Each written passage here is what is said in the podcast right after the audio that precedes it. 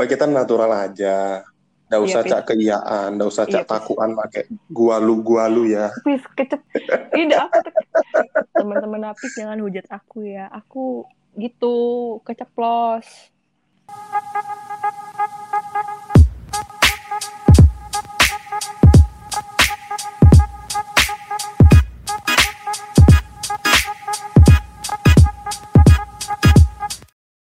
Mbak, kau kan kuliah jurusan komunikasi, Heeh. pinter nyanyi, pinter, pinter banget nyanyi. Kalau aku nyanyi pasti kau ketawa. Tidak ya soalnya. Aku ingat ya Mbak ya, setiap hari Jumat, jam terakhir pelajaran seni suara, satu kelas itu pada seneng semua kalau aku dimarahin sama bapaknya, Pacar sama juga. Pak Irawan. Iya bener. Dan kau yang paling ladas nggak tahu ya. Sumpah Pis. Nah, pertanyaan aku, seumur umur seumur umur aku mengenal manusia di muka bumi ini kayaknya kayak cuma kau deh pis yang gak jiwa-jiwa nyanyi sedikit sedikit masalahnya Mbak, satu kelas Mbak, 18 anak itu bisa semua ngambil suara, ngambil nilai, solmisasi, sedangkan aku dimarahin disuruh balik lagi. jadi guys kalau opening habis tuh agak-agak eh, parau sengau itu dimaklumin emang nggak ada nggak ada indah-indahnya mas Warga itu emang Nggak ada itu. indah-indahnya. nggak ada Nah, oke Mbak, ada. pertanyaanku Mbak kayak gini Mbak. Kenapa kau nggak berkarir dengan yang sejalan dengan kemampuan dan bidang keilmuan kau? kayak ini aku pun bingung Eh, apa ya keilmuan bidang eh di komunikasi aku tuh selama tiga tahun belajar aku tuh belajar belajar galau sih. Aku belajar broadcasting aku belajar radio aku belajar nulis aku belajar eh, percetakan aku belajar desain grafis aku belajar PR nah dari semua yang aku pelajarin itu aku emang paling nyaman ke PRing aku seneng ngomong misalnya aku aku seneng apa namanya seneng ngomong depan umum gitu loh. Seneng ya seneng ngomong aja gitu. Terus pun orang-orang di sekitarku bilang kayak ih suaranya PRing banget anak PR ya? Gitu gitu terus kenapa nggak jadi penyiar radio segala macem? Aku mikir terus di kantorku pun aku suka ditodong jadi MC dadakan kan yang cuma Hmm. dibayar pakai nasi kotak gitu. Ya, dan ucapan terima kasih Mbak Retno hari ini jadi MC ya? Terus Terima langsung kasih, Mbak Retno. iya. Mbak Reno, bentar aku potong bentar ya. Hmm. Aku juga pernah disuruh MC sih, MC wisuda. Dibayar, dibayar terus dapat makan. terus sekarang kau udah di Lanjut. MC-in ya sekarang kan lagi ada pandemi. Gitu. jadi nggak ngerasain di MC-in ya Ah, belum daftar wisuda untungnya. Kayaknya wisudanya ini deh. Emang aku Tidak. dibubarin deh. Durasi, durasi. Oh ya maaf. Terus ya udah gitu. eh, ya terus kayak pun aku pernah suatu suatu hari ada narsum dari kampusku juga kan dari IPB. Terus bilang eh, apa namanya? Aku bilang bu saya juga dari IPB. Aku bilang gitu. Oh iya Mbak Retno. Jurusan apa komunikasi? Oh pantas suaranya eh, anak PR banget. Dibilang gitu kan. iya bu. Di sini humas ya? Enggak bu. Terus apa? Akademik. Loh kenapa gitu? Ya bu saya makan nasi bukan makan passion. Gue bilang aja. gitu Oh iya, siap. jadi ya pokoknya terus orang-orang pada terus kemarin pun aku sempat rekaman eh, bukan rekaman jadi narsum di radio buat eh, apa namanya buat promosiin kampusku ini karena kampusku baru juga. Kampus tempatku bekerja ya bukan kampus. Iya. kampus tempatku bekerja. Terus aku eh, terus kata produsernya bilang gini eh, bagus banget suaranya mau nggak jadi penyiar radio segala macam?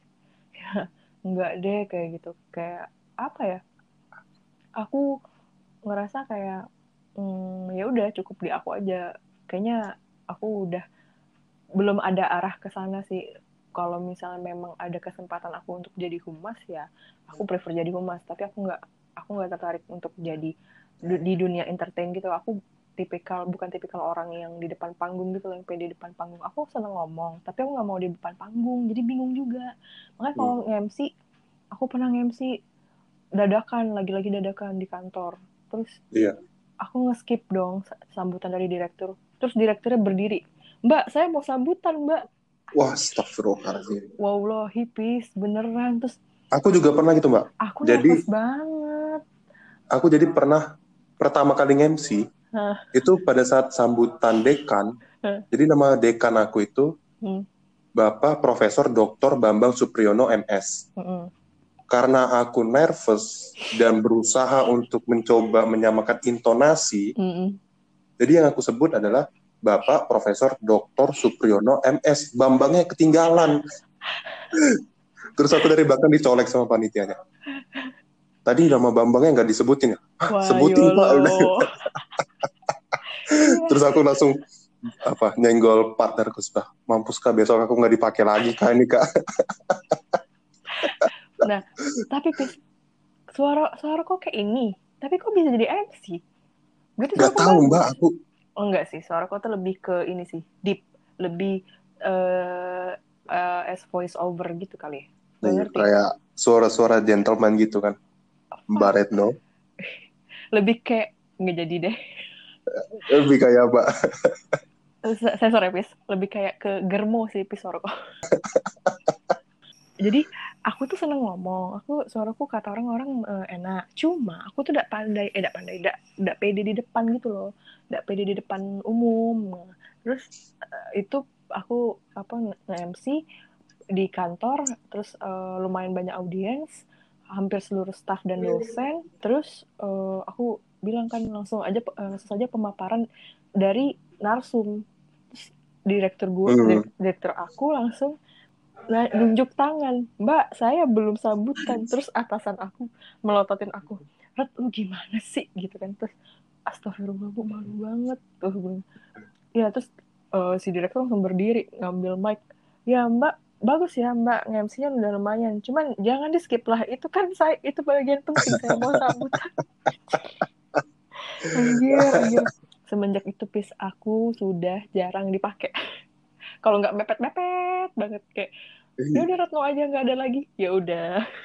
Kalau nggak aku nggak ada Iya aku juga nggak tahu mbak kenapa aku sering dipakai MC apa panitianya males cari orang lagi atau karena efek pakai Enggak mic kan jadi kan tiap suaraku bisa disetting dari situ. Nggak separah itu anjir nggak sehebat itu si mic-nya. Emang mic sehari ini berapa ratus juta? Nggak lah pasti ya nggak Pasti ada. tahu Berarti- bisa jadi. berarti ada something di suara jadi yang ngomongin suara apis ganggu jelek emang. Iya, aku, juga- heran kok bisa kok bisa sih? Maksud aku mungkin Jangankan kau mbak, aku aja heran mbak. oh mungkin ini pis. Mungkin untuk acara formal. Suara Iya. emang enak. Mungkin mungkin ya. Mungkin. suara form untuk untuk acara formal suara enak. Jadi ya itu berarti yang menurut kita nggak bagus nggak bagus di kita belum tentu nggak bagus di orang lain. Nah menurut orang lain nggak bagus. Eh ih Aing ngomong apa sih? Menurut orang bagus belum tentu baik belum tentu bagus buat kita. Menurut kita bagus Hmm. buat kita belum tentu bagus buat orang lain. Jadi sekarang ya tinggal eh, gimana enjoynya aja gitu. Jadi kalau mikirin orang lain tuh kayak ya nggak bisa gitu. Nggak akan Hmm. a- nggak akan ada habisnya nggak akan ada habisnya. Ya kita kayaknya ujung-ujungnya jadi jadi nggak jadi diri kita sendiri jadinya kemauan orang lain tuh kayak gimana Hmm. I mean like eh, stereotip cewek cantik tuh putih ya maksain pakai sabun putih biar mengkilat biar putih biar sesuai sama ekspektasi netizen sesuai sama ekspektasi orang-orang di sekitar ya nggak akan Hmm. habisnya kalau misalnya orang bilang kita A B C D terus kita harus mengikuti ke omongan mereka untuk menjadi A B C D ya terus kapan kita enjoy ngejalanin hidup kita gitu Iya.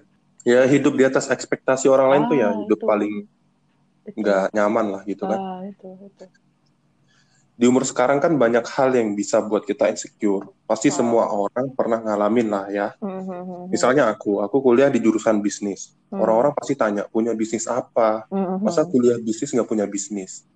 Terus ditambah lagi lihat teman-teman yang memang punya bisnis. Hmm. Terus sekarang aku masih belum punya kerjaan. Nah, kalau Hmm. kau pernah ngalaminnya, Hmm. gimana cara kau menghibur diri, Mbak? Aduh, gimana ya maksudnya? Um, pilihanku pertama kali untuk masuk komunikasi pun eh, orang eh, keluargaku dan orang-orang sekitarku, apalagi aku D3 kan kayak ngapain D3 komunikasi pula mau jadi apa? Gitu loh. Kayak eh, bukannya apa apa gitu fisip kayak hukum atau apa ini kok komunikasi D3 pula mau jadi apa? Gitu. Terus eh, gimana caranya?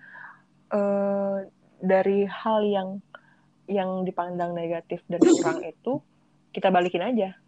Ya Hmm. yang gue eh yang aku bisa buktiin di sini adalah aku bisa nilaiku bagus lulus dengan nilai yang bagus. Terus ya tadi eh, aku eh, aktif di organisasi mungkin aku walaupun aku cuma D3 tapi aku berprestasi di non akademik juga gitu. Dan Hmm. apa namanya? Sama kayak eh apa ya banyak barusan tadi baca baca di Twitter anak visip universitas mana terus jadi petani. Terus kayak terus kenapa? Ya Iya, kayak apa yang salah? apa ya salah? Kecuali anak visip ngebunuh anak petani lah itu baru kriminal. Nah ini Karena kita tuh ini Mbak, eh, strata kita tuh masih menjunjung strata ekonomi. Kayak misalnya gini, mhm. anak tukang becak lulus dari Fakultas Kedokteran. Lah kenapa emangnya? iya lah kenapa Kenapa? Emang kenapa? Anak tukang becak Iya. tuh kenapa? Emang Ah. yang harus boleh kuliah tuh orang berduit saja? Kan enggak kan? Ah, enggak sih mungkin kalau lebih dia memang ada usaha ingin ah, mungkin itu apa lebih eh, memperbaiki ekonomi kali keluarganya. Maksudnya nggak usah berlebihan lah Iya, kita iya, seolah-olah ya, ah, anak tukang becak tuh nggak bakal mampu deh sekolah Ah. tinggi gitu loh. iya benar-benar Padahal pendidikan ya hak Iya, bagi iya. semua orang gitu kan. Hmm, hmm, hmm, hmm. Iya tadi balik lagi kalau misalnya kayak Apis eh, kau kan eh, bisnis ya jurusan bisnis bahkan Iya. bahkan bahkan satu dua orang bilang kau kan bisnis kenapa nggak jadi pebisnis kayak kenapa nggak ada inovasi buat buka bisnis ya tadi balik lagi kayak yang tahu hidup kita rules hidup kita arah orientasi hidup kita kan kita. Ada yang ada yang merasa kayak gue kuliah oh gini bisnis gue udah tahu nih polanya kayak gini tapi gue pengennya gue gue penasaran nih masih penasaran pengen nyobain ini. Banyak kok orang-orang yang kayak gitu. Orang orang teknik tiba-tiba buka bisnis orang eh, sepupuku juga eh, apa saudaraku jauh dia dari apa eh, dulu kuliahnya visip terus sekarang dia buka usaha pecel lele ya kita nggak pernah tahu maksudnya apa yang kita lakuin, eh, apa yang kita dapat kemarin sama yang kita lakuin sekarang itu sebenarnya nggak ada hubungannya. Ya beruntunglah orang-orang yang masih ada hubungannya, misalnya kayak kuliah dia sama pekerjaan dia masih relatable, jadi ya mungkin ilmunya makin berguna.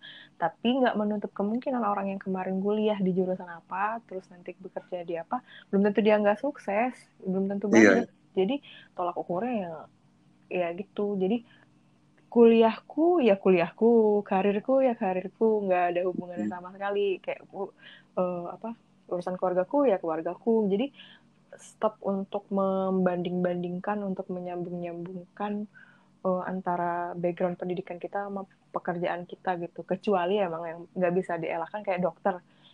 Ya dokter pun ada kok yang jadi pengusaha salon. Iya, ada. Ada, ada, ada, ada aku kenal gitu orang. Jadi Kalau aku tuh gini, Mbak. Aku selalu mencari jawaban dari pertanyaan-pertanyaan yang muncul. hmm, Gini, nggak semua orang memiliki situasi dan kondisi yang memungkinkan untuk berbisnis kan.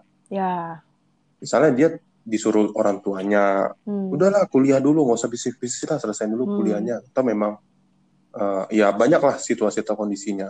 Aku kuliah untuk mencari ilmu dan cari teman. ya betul. Ketika aku udah punya ilmu, kalau nanti aku mau berbisnis, aku udah ada ilmunya. Ya betul. Kalau aku mau menjadi akademisi, aku punya ilmunya. Ya betul. Kalau aku mau jadi karyawan, aku juga udah punya ilmunya. Iya betul. Yang jelas selama kuliah kan aku mencari ilmu, mengembangkan potensi, Hmm, dan mempersiapkan diri untuk nanti. Iya betul. Nah, sekarang kalau dibilang jurusan aku, bisnis, Hmm. Atau kita ambil lebih spesifik marketing. Hmm, Marketing itu kan ilmunya dinamis kan. Iya betul. Ilmunya dinamis, berkembang terus. Marketing 20 tahun lalu dengan sekarang tuh berbeda pasti. Iya betul. Nah, di era disrupsi ini, ilmu marketing itu bisa didapetin dari mana saja. Hmm, hmm. Banyak online-online course gitu kan. Iya. hmm. Nah, terus apa yang didapatkan dari kuliah? Yang didapatkan dari kuliah itu adalah membentuk pola pikir kita, Iya. mengajarkan kita untuk berpikir analisis, kita menganalisis sebuah fenomena, lalu kita mampu menjelaskannya dari teori-teori dasar yang didapat di kuliah gitu kan. Anjay. Kalau ada yang bilang, aku kuliah nggak dapat apa-apa. Nah, pertanyaannya kamu Hmm, masuk kuliah nggak gitu kan? Masa nggak dapat apa-apa gitu? hmm. Gila ya omongan gue ya, mantep ya. Iya. Kasih aplaus dulu. Ini Ini udah pembelaan buat ini pembelaan buat teman-teman rebahan ya, yang ditanya. bisnisnya mana nih gue kasih nih makanya dengerin podcast gue oke okay?